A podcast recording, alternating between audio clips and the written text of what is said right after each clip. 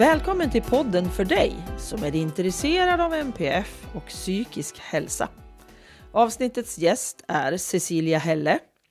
Och vi pratar om vägen in i utmattning, tiden där i utmattningen och sen återhämtningstiden och att behålla rutiner med återhämtning för att fortsätta att vara frisk. Ann-Katrin Aureliusson heter jag som driver Familjebalanspodden. Jag hjälper anhöriga som har OCD i familjen för att de ska hitta ett mer hållbart familjeliv. Och vill du känna dig som en trygg och säker anhörig fast du har familjemedlem med OCD-tvång, då ska du söka upp familjebalans.se, lämna namn och mejladress så kommer information om OCD-hjälpen för anhöriga till dig. Nu kör vi igång avsnittet.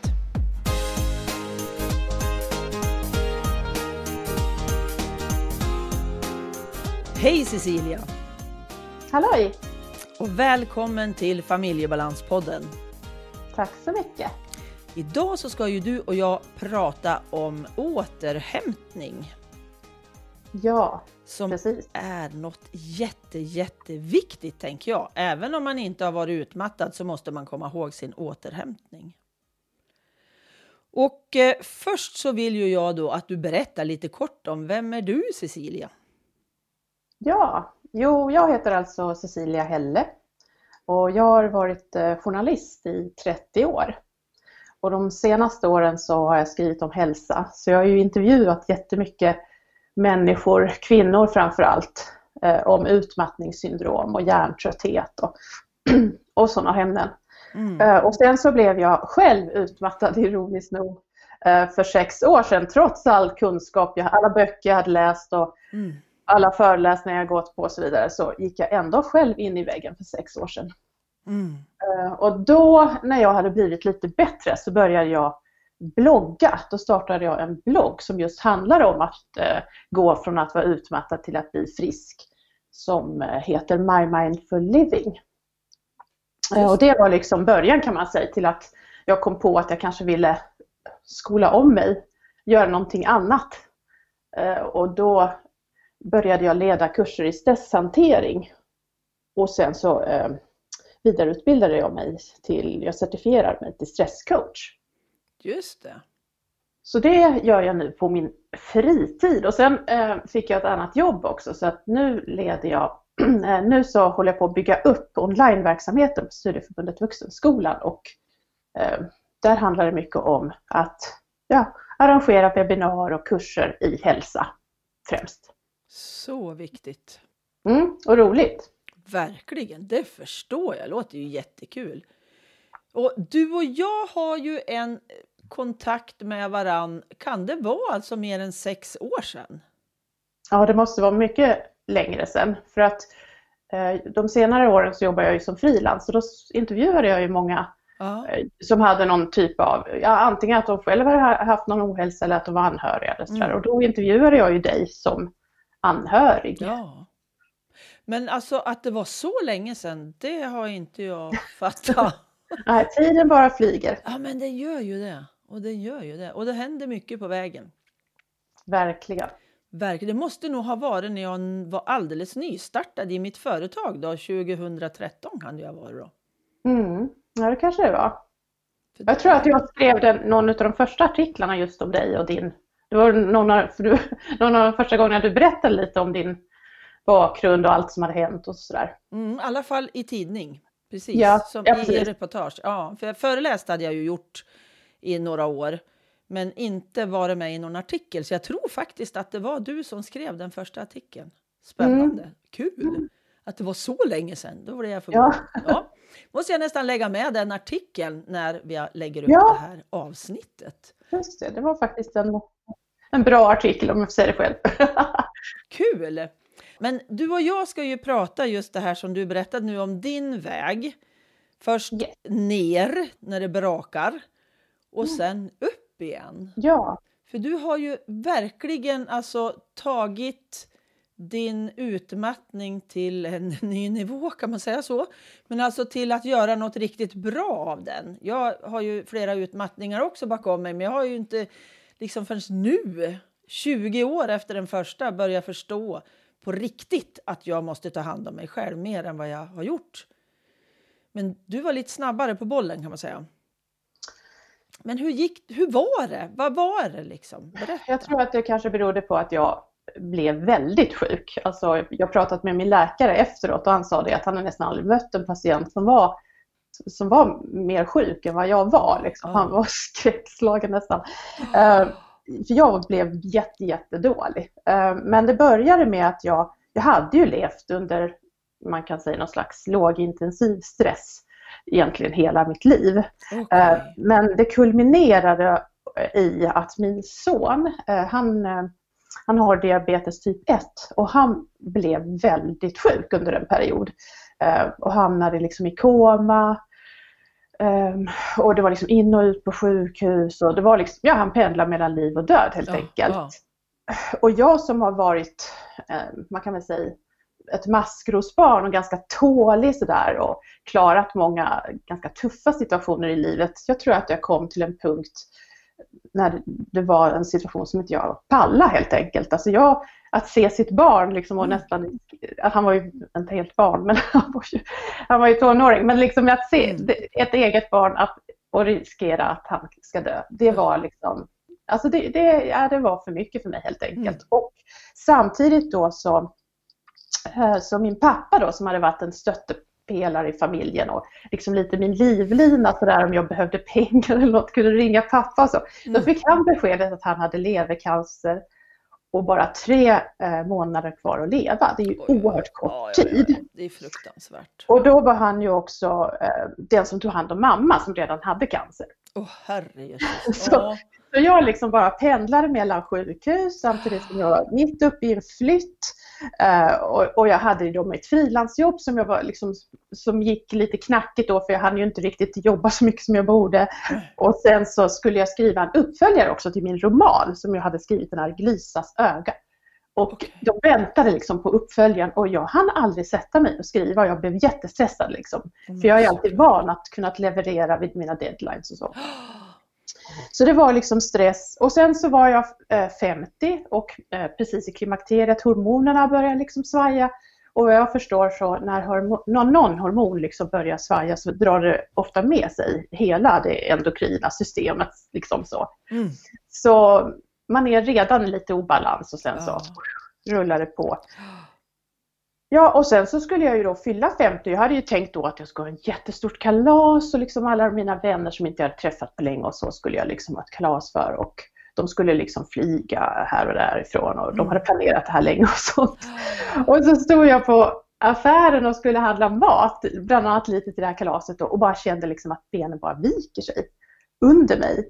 Okay. Uh, och jag bara ja, svimmar av där helt enkelt. Och sen så kommer jag väl till medvetande och stapplar ut, bara lämnar alla grejer liksom. Mm. Stapplar mm. ut, sätter mig på en bänk bredvid två A-lagare och bara tänker så här, okej, okay, det gick ju snabbt att hamna här.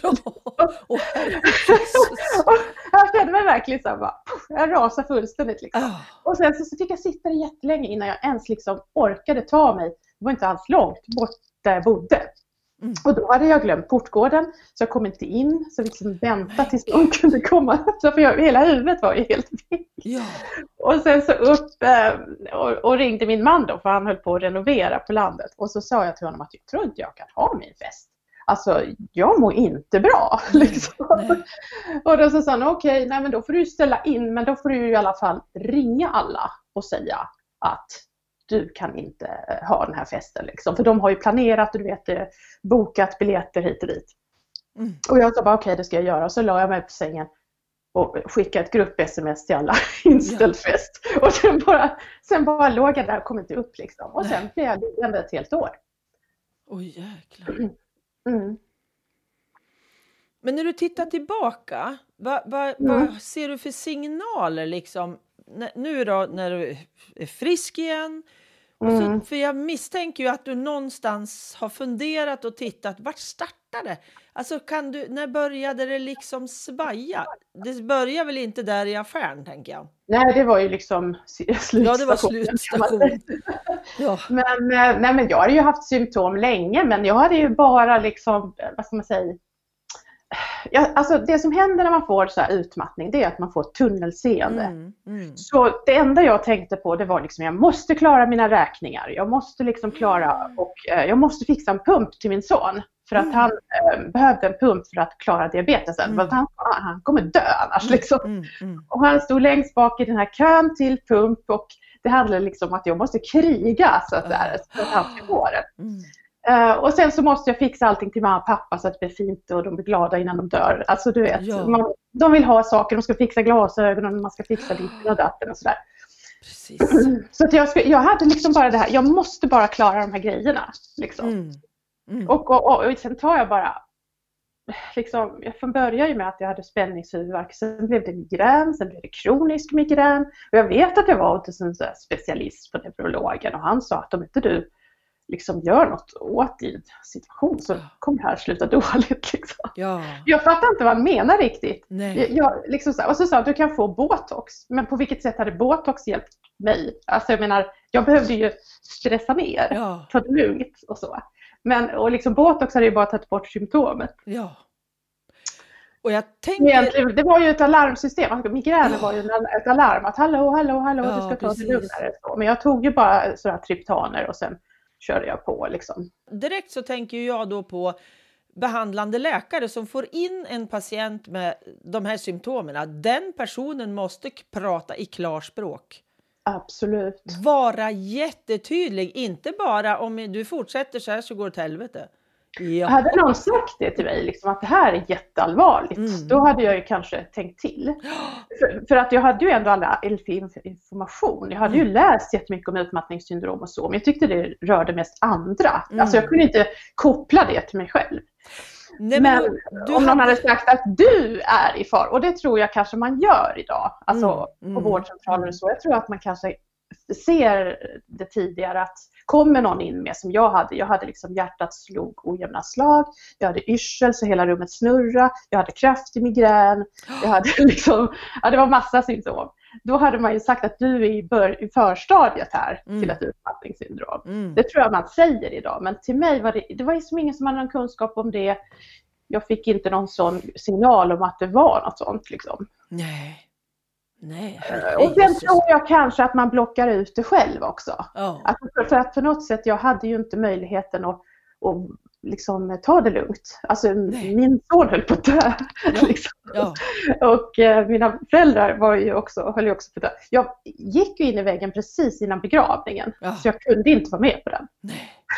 Och så... Det visar ju liksom hur dålig man är. Liksom. Du, ja, det är helt alltså, galet, är ju lindrigt. Men alltså jag tänker just det här med att, att i, den här, i de här situationerna som du då var, för jag känner ju igen mig i det här med gamla föräldrar som mår dåligt, som är på väg att dö, hade ju det ungefär samma period som jag hade det jättejobbigt då med barna, fast det inte mm. var dödligt alls på det sättet som din son hade det. Men det var en otroligt pressad situation från alla håll och kanter.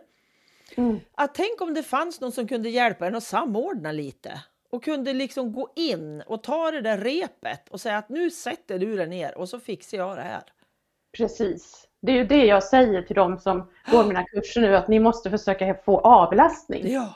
För de ser det inte själv. Åh, jag måste bara fixa det och det och det och det. Nej, du måste fixa avlastning. Ja, ja. exakt. Någon som tar repet. För att, ja, därför att jag försöker förklara för dem att om, om du har småbarn och du går in i väggen, det är inte bra för dina barn för att de behöver dig många, många år framöver. Ja.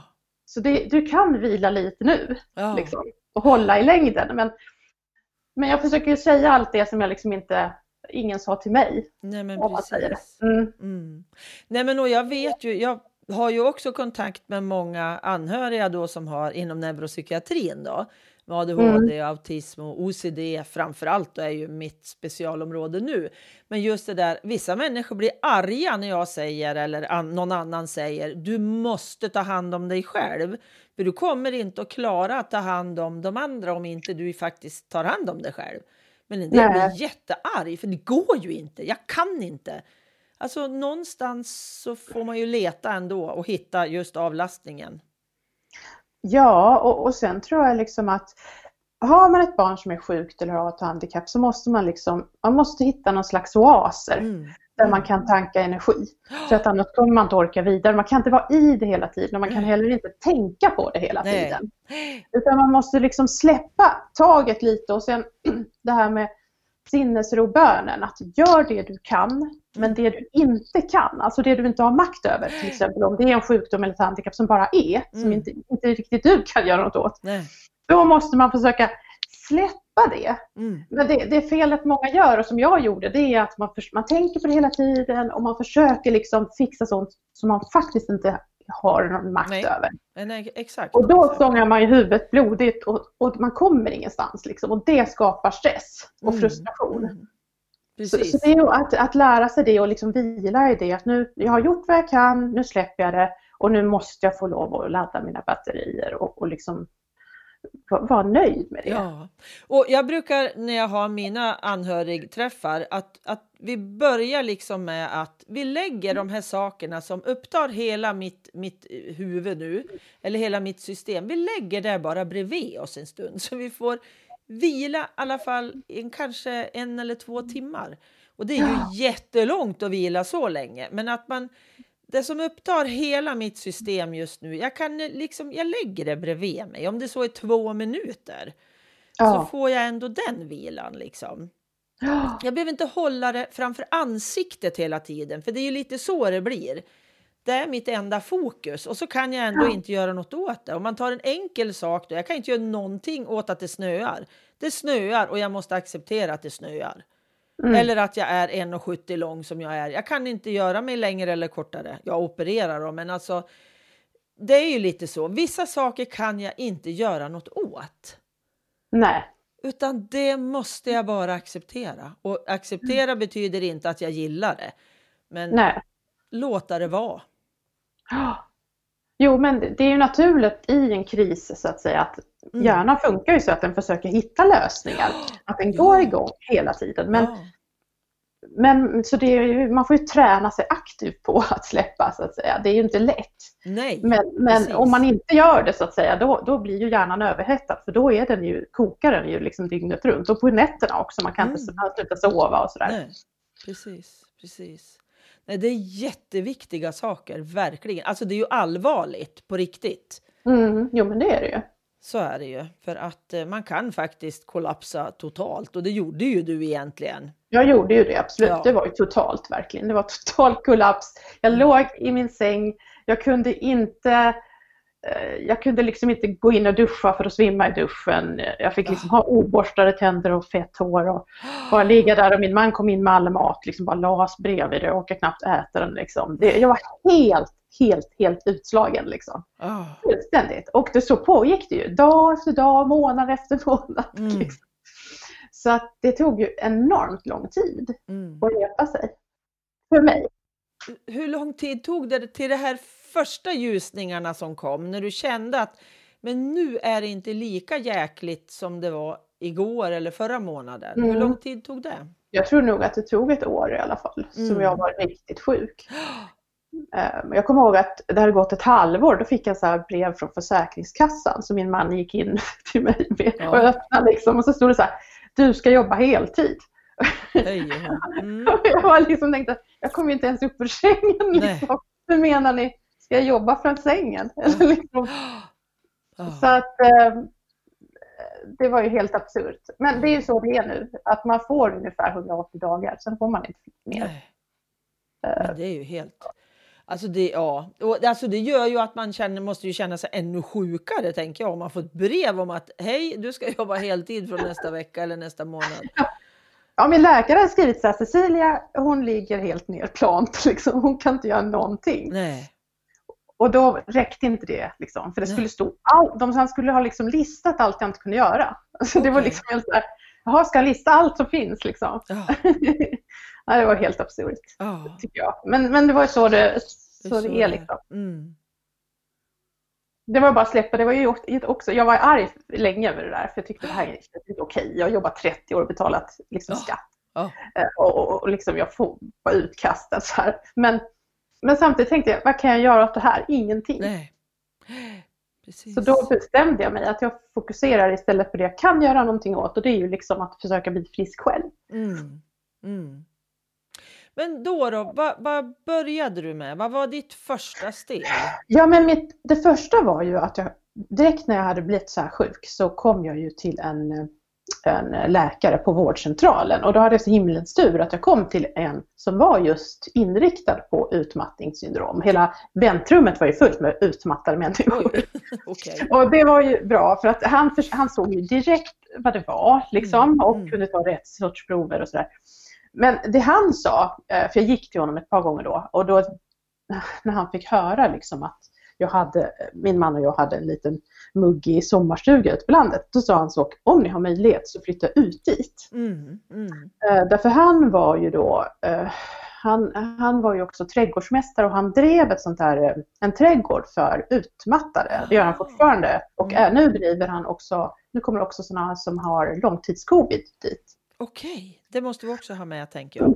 Och det är jätteintressant faktiskt. Men Verkligen. Han, han hade ju läst på om det här och förstod liksom att för det finns ju inget piller mot utmattningssyndrom än så länge. Det finns liksom ingen medicin. Men det som faktiskt hjälper är ju att vara i naturen. Mm. Och han hade sett mycket exempel på det med sina patienter och så. Så han sa, kan du göra det så gör det liksom.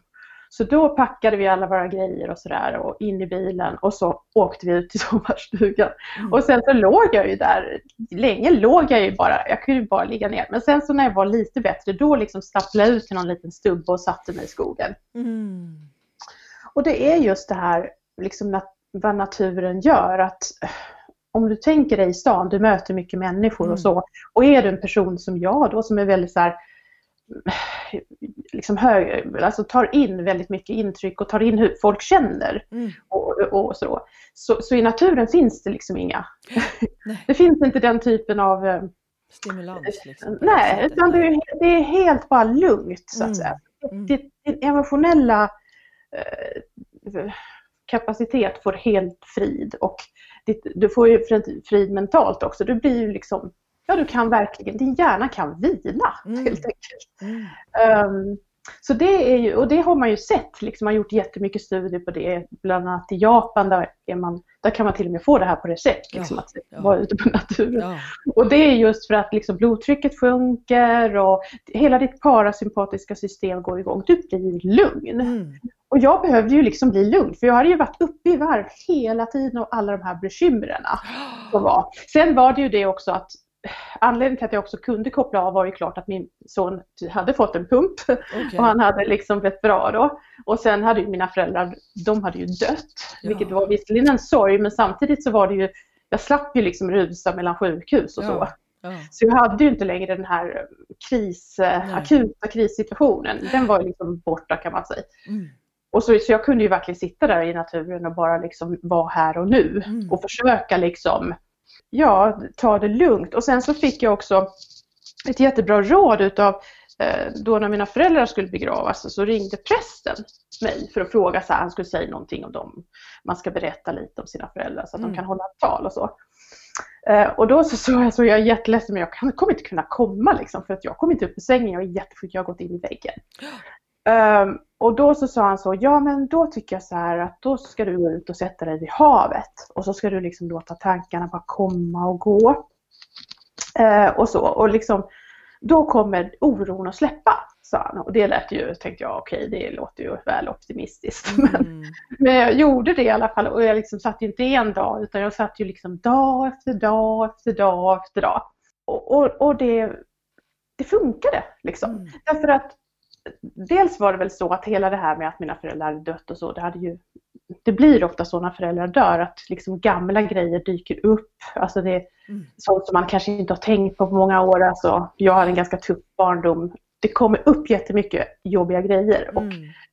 Som man minns och sen så också, så man, jag hade jättemycket mardrömmar och sådär. Gamla otäcka händelser liksom spelades upp på nytt och sådär så jag sov mm. ingenting. Men när jag satt vid havet och liksom kunde bara släppa fram allt det här ehm, och tänka liksom på det som hade varit och lite så. Mm. Det var väl någon slags bearbetning av min barndom tror jag som jag mm. sysslade med där på egen hand i naturen. Mm. Eh, som jag egentligen aldrig hade gjort och som jag kanske borde ha gjort eh, tidigare när jag var yngre hos någon psykolog eller någonting. Men det hade jag inte gjort. Så, men då, då, gjorde jag det och sen efter den perioden så var verkligen så här som att det lättade. Mm. Alltså, jag, jag känner mig bara helt så här, okej, okay, det här har hänt jättejobbiga grejer men det känns inte jobbigt längre nu. Nej. Faktiskt. Um, så, så jag, nej men jag behövde kanske, det var kanske, det känns som en sån här reningsbad. Jag behövde liksom någon sån här kanske kris liksom för att komma vidare ja. på något sätt. Ja. Det hade liksom, jag hade bara lagrat grej på grej. Ja, och bara fast forward, bara framåt. Liksom. Positiv, glad, framåt, Tjuhu. göra saker. Liksom. Och det som har varit, det har varit. Det är ingenting som vi håller på att gråta i eller så. Nej. Men förr eller senare kommer det ikapp. Det, risken finns ju.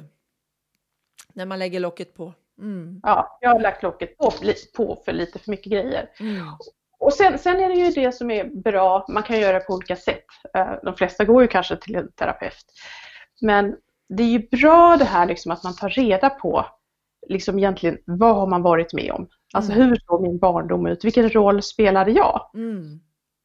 För att ofta så är det ju så annars att man bara upprepar. Ja samma liksom destruktiva mönster om och om, om igen för att man har ingen koll på. Man går liksom på autopilot. Jag hade ja. ingen koll på egentligen vad är min roll i det här? Kan jag välja annorlunda? Kan jag liksom... Ja, jag bara gick liksom lite i blindo. Mm, jag tror jag väldigt många gör faktiskt. Ja, de flesta gör väl det för det är inte jättemånga som går till, som går till psykologen i tio år.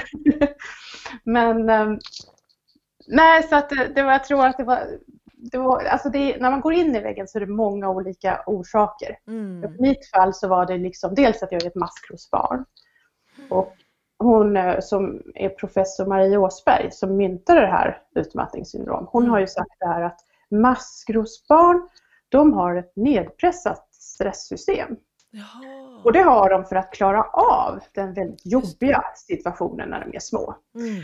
Och det resulterar i att de som liksom vuxna är väldigt stressdåliga. Mm. Att de, ehm, det kunde jag verkligen känna igen i mig själv. Liksom när andra var helt hysteriska så, där, så var jag alltid helt cool. Mm. Eh, och det kunde man ju ha nytta av i många situationer och det kändes lite som en superkraft. Men det som sen händer är att när det väl blir för mycket, och för mig, jag menar jag var 50, jag hade ändå stått upp oh. till, i 50 år. Liksom. Men när det väl blir för mycket, då är det tyvärr så att maskrosbarn, de blir ofta mycket hårdare, går alldeles, mycket hårdare ner i sin utmattning än andra. Okay. För deras stresssystem är redan så nedpressat. Ja. Så det pressas liksom ner fullständigt. Och det, jag tror att det var därför jag blev så jäkla sjuk. Mm. Mm. Så det ena är att, att jag är ett maskrosbarn. Det andra är liksom att jag har fått lära mig, och så är det ju nästan för oss alla, men att man, jag har fått lära mig väldigt mycket att det är viktigt att prestera. Liksom. Mm. Alltså, genom att prestera så får du uppmärksamhet och bekräftelse och kärlek. Och du får det inte annars. Liksom.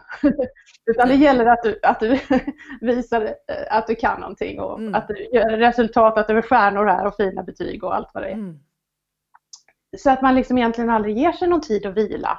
Jag hade Nej. ingen aning om vad återhämtning var. Jag hade liksom aldrig suttit ner typ. Nej. Jag visste liksom inte riktigt, behövs det? Och om man sitter ner då gör man väl någonting konstruktivt som att läsa en bok i något svårt ämne. Mm. Jag förstår att man hjärnan hela tiden, man låter den aldrig vila liksom. Nej. Nej, men jag har ju haft jättesvårt att lägga mig ner på dagen. För det, är, mm. det gör man liksom inte. Då, då helst ska det vara fyra, fem saker på gång samtidigt. Så man är effektiv och utnyttjar tiden. Så. Precis, för man kan också oh. uppleva det lite obehagligt nästan. Att man blir rastlös, ja. man känner sig illa till mods ja. och sådär. Så att Eh, rent spontant känner man inte för att sätta sig ner utan, utan man mår bättre så tycker man när man liksom mm. gör saker. Så det där är ju någonting man får tvinga sig till helt ja, enkelt. Ja, och det har jag ju blivit riktigt bra på nu då när jag har fyllt nästan 65 om, om en månad fyller 65. Mm. Då har jag liksom, ja det är väl något år sedan, vi flyttade ju också ut till havet och skogen och det har ja. ju gett mig oerhört mycket återhämtning, bara att vara i skogen. Mm. Bara att mm. finnas, att höra våran bäck, vinden, fåglarna. Alltså jag följde aldrig vädret under en dag så väl, fast vi bodde i hus tidigare också. Men vi bo och ändå lantligt. Men den här miljön, mm. där vi har vatten, jag har horisonten, jag har liksom ett, ett sånt fantastisk möjlighet till återhämtning. Och den ger det också alltså. Jag känner mm. igen jättemycket det du säger det här med naturen Allt sjunker och jag har varit jätterädd av att vara i skogen. Men nu när jag bor i skogen, för jag, jag bestämde mig för att jag skulle klara av att vara själv och vara ute i skogen. Mm. Så att, och det tog tio år för att fixa det, men det lyckades till slut. Och nu kan jag ju verkligen gå ut och sätta mig vid min tall och mm. bara... Alltså, där kan jag bara vara. Mm. Och jag sitter där med ryggen mot min tall och tittar upp på honom ibland och lite sådär. Och det är så bra. Så bra. Det är ju vårt naturliga element. Ja.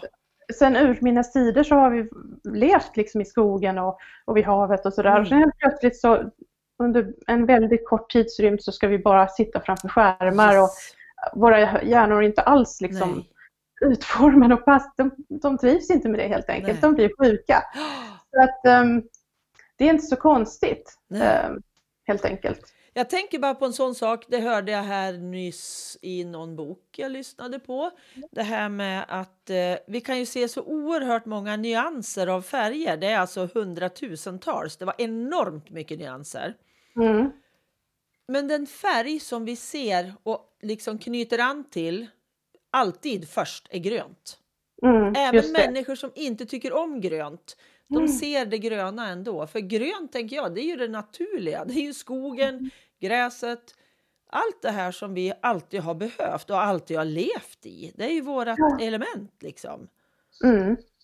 Ja, jag tror att det är så att man ser flest nyanser av grönt också. Mm. Men eh, nej, jag, jag var ju inte alls, alltså jag har ju varit en kulturperson som tyckte om att gå på konsert och på teater och läsa mycket böcker, läst jättemycket böcker, alltid ja. läst. Um, och liksom bo i stan och mingla och träffa mycket människor, jättesocial liksom. Till att efter min utmattning liksom helst tycker allra skönast med helt själv. Oh. Mitt i en skog liksom eller oh. bara så här ut i naturen och bara liksom, jag vet inte, det är ju intryck också men det är någon slags mildare intryck. Ja, det är helt annorlunda. Helt så annorlunda. man kan ju förändra sig. Sen är det kanske någon ja. åldersgrej också. Det är ju många som, som är äldre som tycker mer och mer om natur. Men jag menar det är ju inget som man behöver ha älskat alltid. Utan, så det är, men när man väl ger sig tid. Mm. Men jag tror att det är inte så många som ger sig tiden utan Nej. folk stressar hit och dit och de ska kanske, om de är i naturen så är de där lite kvickt och massa folk runt och så picknick och det är massa grejer som händer. Mm. Då missar man ju hela grejen med de här små mm. Eh, grejerna i naturen som, som liksom ger den här eh, avslappningen. Mm. Så man måste nästan ge sig ut själv och kanske en hel dag och eh, vara väldigt långsam. Liksom. Oh i, man sitter ner och man kanske ligger ner och, mm. man, och sen att som du säger varje dag man ser skiftningarna i väder och årstid. Och, mm. Mm. Det är liksom då man får den här läkningen. Ja, ja. Och, och jag tänker så här att jag har ju varit en sån här som alltid har gått snabbast. Jag har vrum mm. sa det när jag var ute och gick. Mm. För det skulle ge resultat. Det var ingen idé att gå ut och gå om jag inte gick fort. För då fick jag ju liksom bättre kondition eller så där. Och det har jag växlat helt nu. Idag är jag nog den som går långsammast av allihopa, så jag kommer efter. Plus att jag mm. är lite tröttare också. Men alltså just det där att jag har, jag bestämde mig för att jag kan inte, ska jag hålla på med den här takten så går det inte. För jag Nej. orkade liksom inte. Och jag tror det är jätteviktigt att, att det är inte bara att gå ut och springa eller gå ut och gå raskt i naturen. Det är inte liksom det som ger läkningen. Det ger också läkning i alltså motion och kondition mm. och allt sånt där. Men ska man läka inuti med, mm. med sitt, alltså sin utmattade, mitt utmattade system, då måste jag ta det lite lugnare. Ja, nej, nu när jag ser människor som liksom springer runt och pratar i mobiltelefon ja. när de är ute och promenerar, tänker det är helt bortkastat. Helt bortkastat. Jag fattar inte varför de gör det ens. Liksom, men det är ju det här att vi ska ha simultankapacitet ja. och effektiva och, ja. och sådär. Men om du ska läka från stress och utmattning så måste du in i ett helt annat tänk. Ja. Eh, att nu gör jag en sak i taget, mm. nu gör jag det väldigt långsamt, jag försöker vara närvarande, jag kopplar på alla mina sinnen. Liksom, vad ser jag, vad hör jag, mm. vad doftar det, liksom, vad känner jag? Liksom att man försöker vara lite mer mindful helt enkelt. Oh. Det, det är så man läker. Det är absolut den, tycker jag, då bästa medicinen för mig. Att få ha mina skogsbad eller Mm. skogsnjuta eller vad man nu vill kalla det för. Att just, och just det här att, att vi varvar ner istället för varvar upp.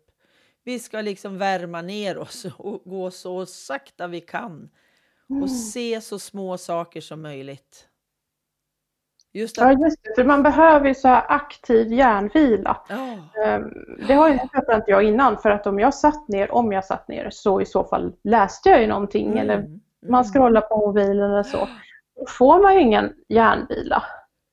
Det är ganska sällan egentligen att man får aktiv hjärnvila på dagen. mm, Om man inte bestämmer sig för det liksom. mm.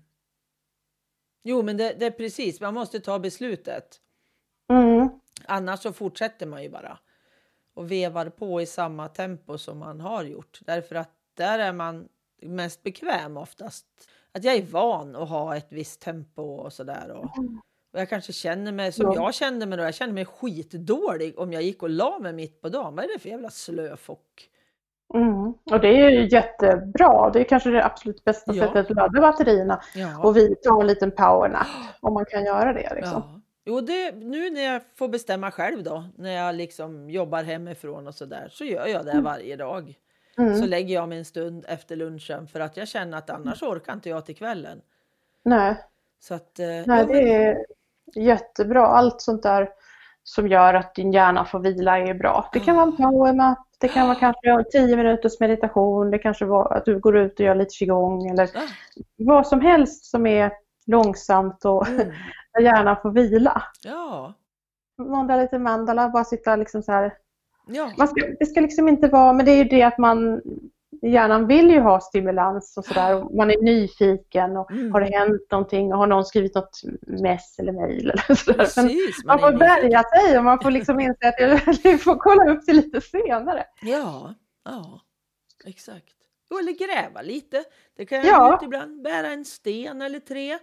Så, så att liksom... Ja, när jag pratar med min läkare då som håller på med trädgårdsrehabilitering och, Mm. och sådär så säger han ju att när vi kommer till det där och jag skulle väl säga det själv också att om du är riktigt utmattad Mm. Alltså, då är det liksom snarare naturen som är bra för dig. Alltså gå ut och sätta dig på en stubbe bara. ja, Det, det Ja. kräver ingenting. Alltså, du behöver inte göra någonting, du kan Nej. bara vara. mm, Är du lite bättre, liksom, att du, du liksom är i rehabilitering eller att du kanske är helt bra men har några utmattningar bakom dig eller så. mm. Då kan det ju funka bra att liksom vara i trädgården. Men man får inte börja med det för tidigt. Nej. För risken är liksom, du vet, det blir kan bli Ja. ganska lätt prestation Ja, också. Liksom att jag hade en sån här deltagare som berättade liksom hon hade jättemycket dahlior som hon skulle plantera ut. Hon hade Mm. liksom köpt alldeles för många knölar och nu liksom blev hon superstressad. Fattade inte hur hon skulle kunna ta rätt på allt det där. Och det, ofta blir det ju så om man är en sån här prestationsmänniska att jaha, då blir trädgården också en jättestor Ja. prestation om man ska Mm. ha den för si eller så. Det är ju ganska mycket eh, möda med att få en trädgård fin. Ja, Liksom. ja, Så man får passa sig så man inte bara hamnar i ytterligare ett absolut. sånt här prestationsträsk. Ja. Liksom. Jo, men det har du ju helt rätt i. Att, att eh, man måste vara vaken på vad man, vad, vad gör jag nu liksom? Att titta lite på sig själv utifrån och se det, när jag gör det här, ger det mig vila eller vad, vad gör jag för någonting? Att vara lite, lite uppmärksam liksom. Mm. Man behöver ju inte analysera sönder allting, men just det där varför gör jag det här? Ja, Ger det men- eller tar det liksom? Mm, precis. Bara Ja, lite- nej, men efter att eh, jag gick in i väggen så har jag i princip fört en sån här energidagbok där jag hela tiden, liksom varje dag egentligen funderar på så att säga, vad behöver jag ha energi till? Eh, Mm. Och vad kan jag skippa av grejer Mm. för att orka de här få grejerna som Ja. jag måste göra. Liksom.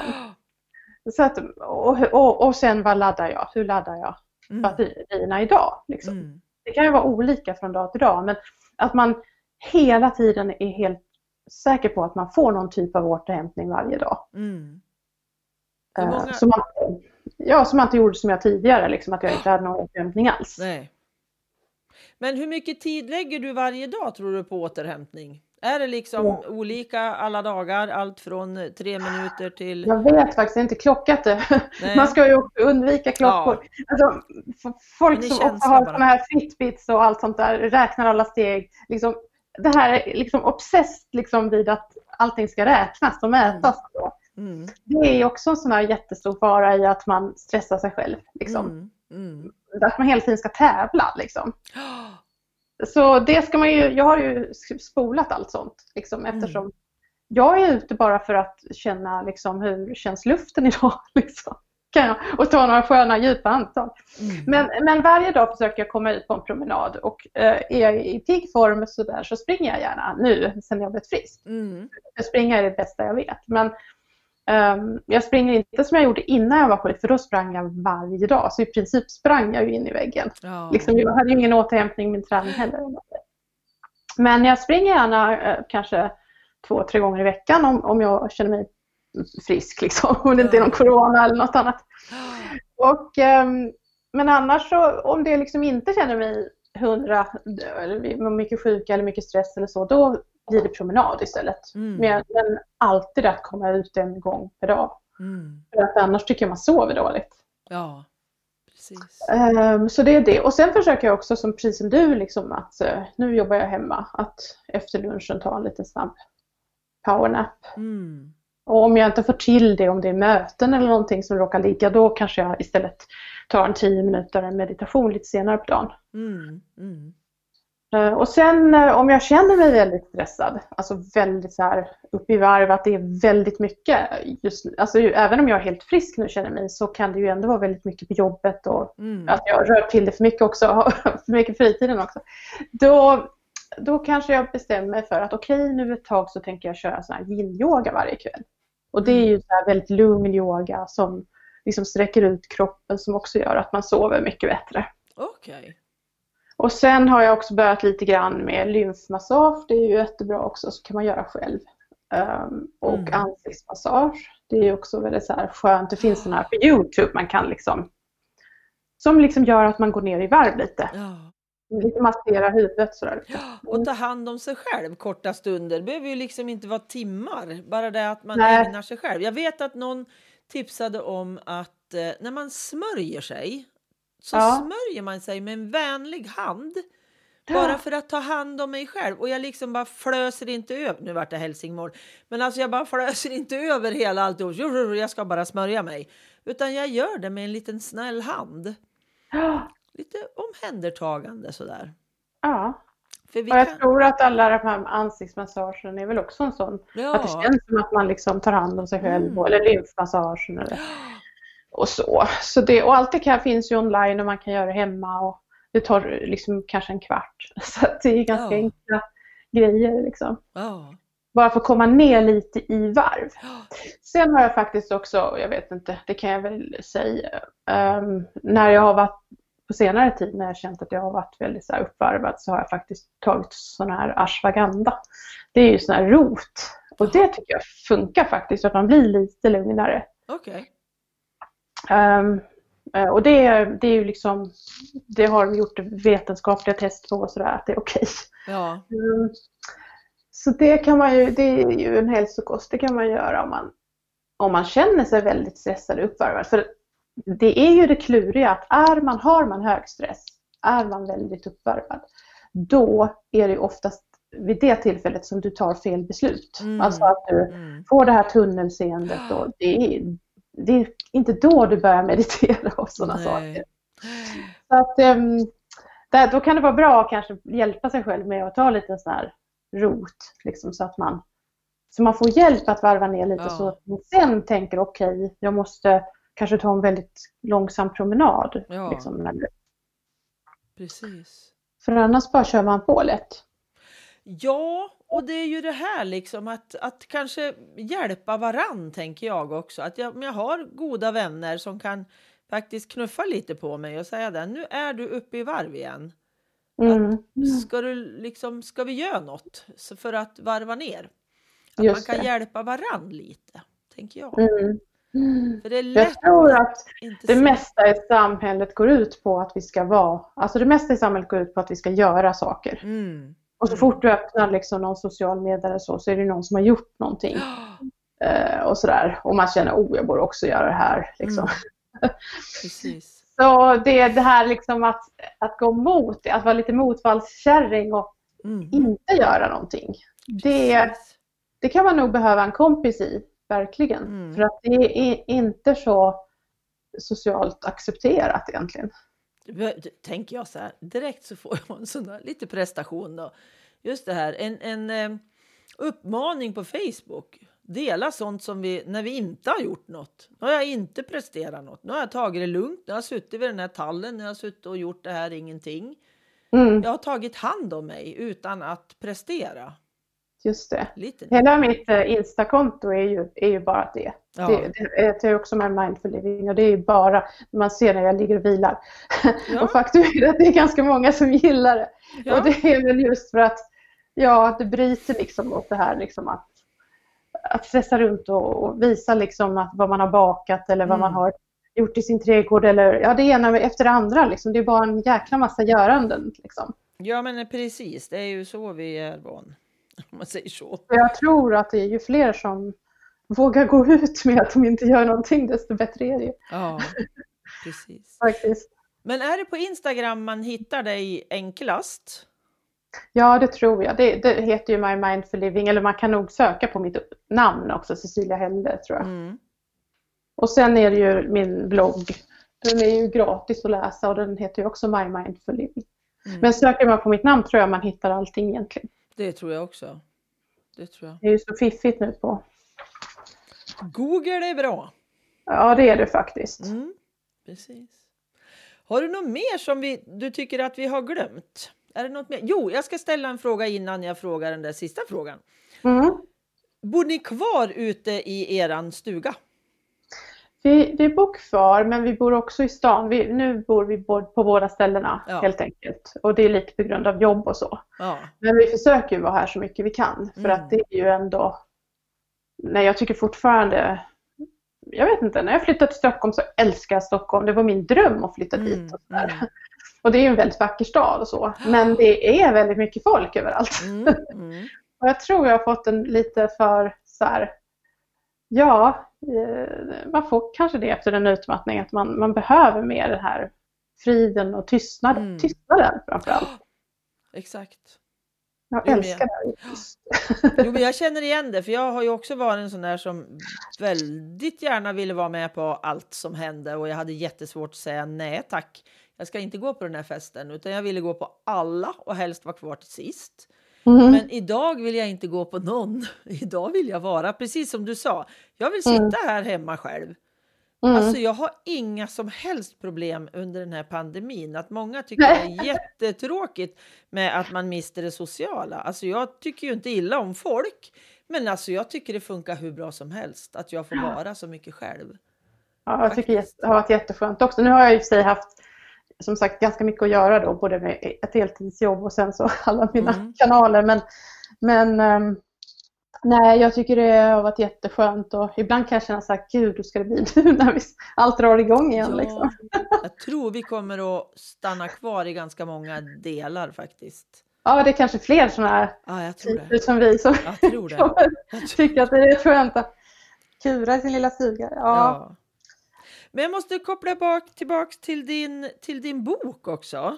Blev det någon efterföljare?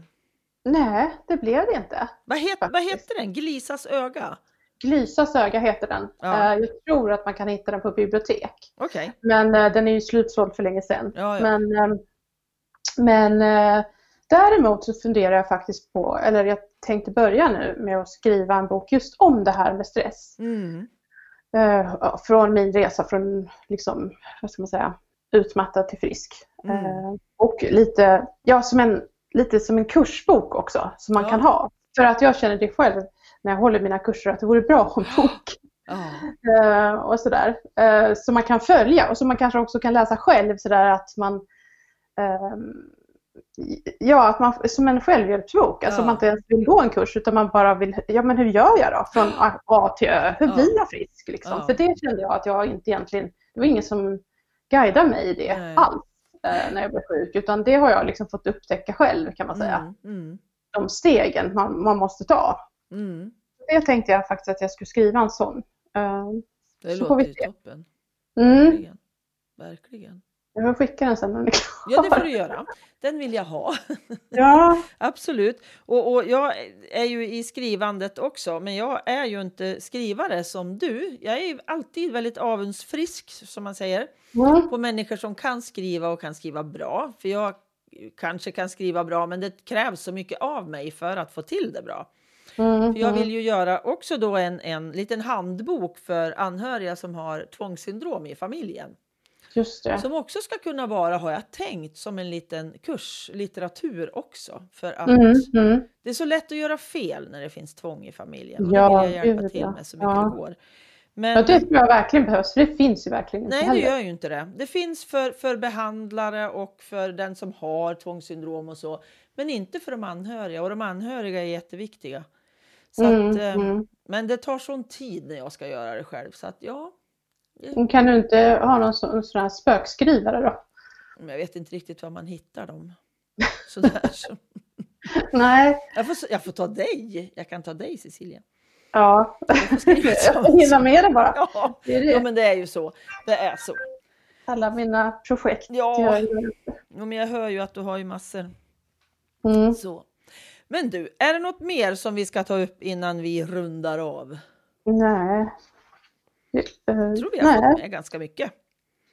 Bra tankar, tips, hela din väg ner och din väg upp kan man ju säga.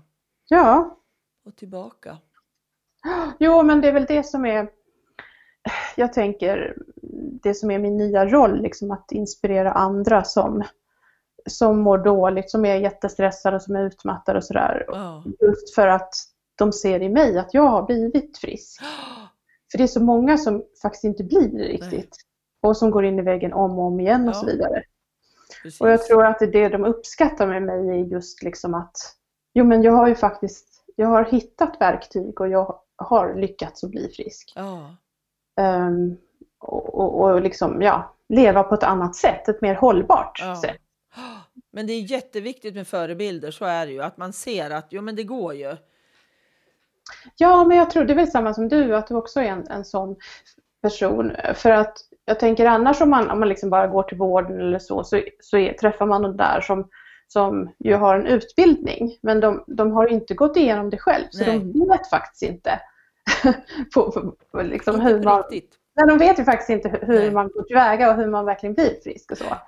Precis. Eh, och jag känner väl det själv kanske när jag kom till vården, att jag, de gav tips och sådär. Jag tänkte, där, det där tror jag inte på. Liksom.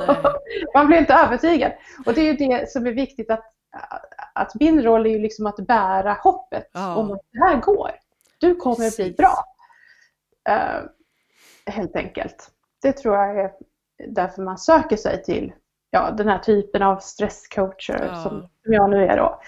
Man kan ju kalla det vad man vill. Ja. Men just liksom att man ändå har gjort resan själv. För Mm. det är ju det här, jag tror det var Albert Einstein som sa liksom att det är erfarenheten Ja. som är den bästa kunskapen. Du Yes. kan läsa hur mycket böcker du vill. Men, men har du inte någon riktig egen erfarenhet så, så, Mm. så vet du inte riktigt. Nej. Nej, faktiskt. Det var väl därför jag tänkte att jag ville jobba med det här just Ja. för att Det är perfekt. jag känner att för en gångs skull så vet jag vad jag pratar om. Ja, men verkligen. Det gör du ju. Det tror jag du gjorde innan också. Men nu är det ju på riktigt på cellnivå kan man säga. Mm. Faktiskt. Du får låna min hashtag som jag har myntat det här. Det finns hopp, glädje och en framtid. Mm. Den tycker jag är jättebra. jättebra. För det är ju precis så för många av mina familjer och anhöriga som jag möter. Man har svårt att se. Men kan jag vara glad fast vi har det så jäkligt som vi har det liksom? Ja, jag kan faktiskt stå i, i svårigheter upp till midjan och jag kan ändå vara glad. Mm. Jag kan glädjas åt saker som inte har med det här att det är så jobbigt. Så att jag måste Mm. liksom ta vara på allt det bra och roliga som finns runt omkring mig. Annars orkar jag inte. Nej. Det är ju så. Mm. Det är ju så. Klokt. Mm. Jo, men jag har ju levt med det här också ganska länge så att till slut så måste jag, eller ganska tidigt fattade jag att jag, jag måste ta hand om mig på något sätt. Även, inte, jag tog ju inte hand om mig rent stressmässigt, men på andra sätt. Liksom. Att jag kan inte bara gå omkring och må dåligt av att vi, vi har det så svårt. Det, Nej. det, det hjälpte ju liksom inte. Det, jag, vart, jag mådde ju bara sämre. Så till slut... precis, du har inte blivit deprimerad i alla fall. Nej, jag tror faktiskt inte Mm. det. Utan jag har nog hållit mig, även om jag varit utmattad ett drös med gånger, så har jag nog inte varit deprimerad faktiskt. Utan jag har varit helt slut bara rent fysiskt. Och psykiskt blir Mm. Jag har ju inget minne kvar tyvärr. Eller ja, allt Nej. är väl inte borta, men en till faktiskt. Du, kom, du kommer ihåg mig lite svagt i alla fall. Jajamän, det gjorde jag. Nej, Det var ju ganska länge sedan. Så. ja, det var så länge sedan. Sånt minns man ju. Som Ja. var förr. Något minns du. Det kan du glädja dig med. Ja, precis. Tusen tack Cecilia Tack själv. för att du ville vara med. Ja, jätteroligt. Ha det bra. Ja, du med. Hej då! Hej då. Tack för att du lyssnat. Tack till Pelle Zetterberg för musiken. Pernilla Wahlman som fotade. Marcus som fixade poddloggan och till Anders för att du redigerar mitt prat. Vill du skriva en recension på Familjebalanspoddens Facebook-sida? Då blir jag jätteglad. Hoppas vi hörs igen. Hej då!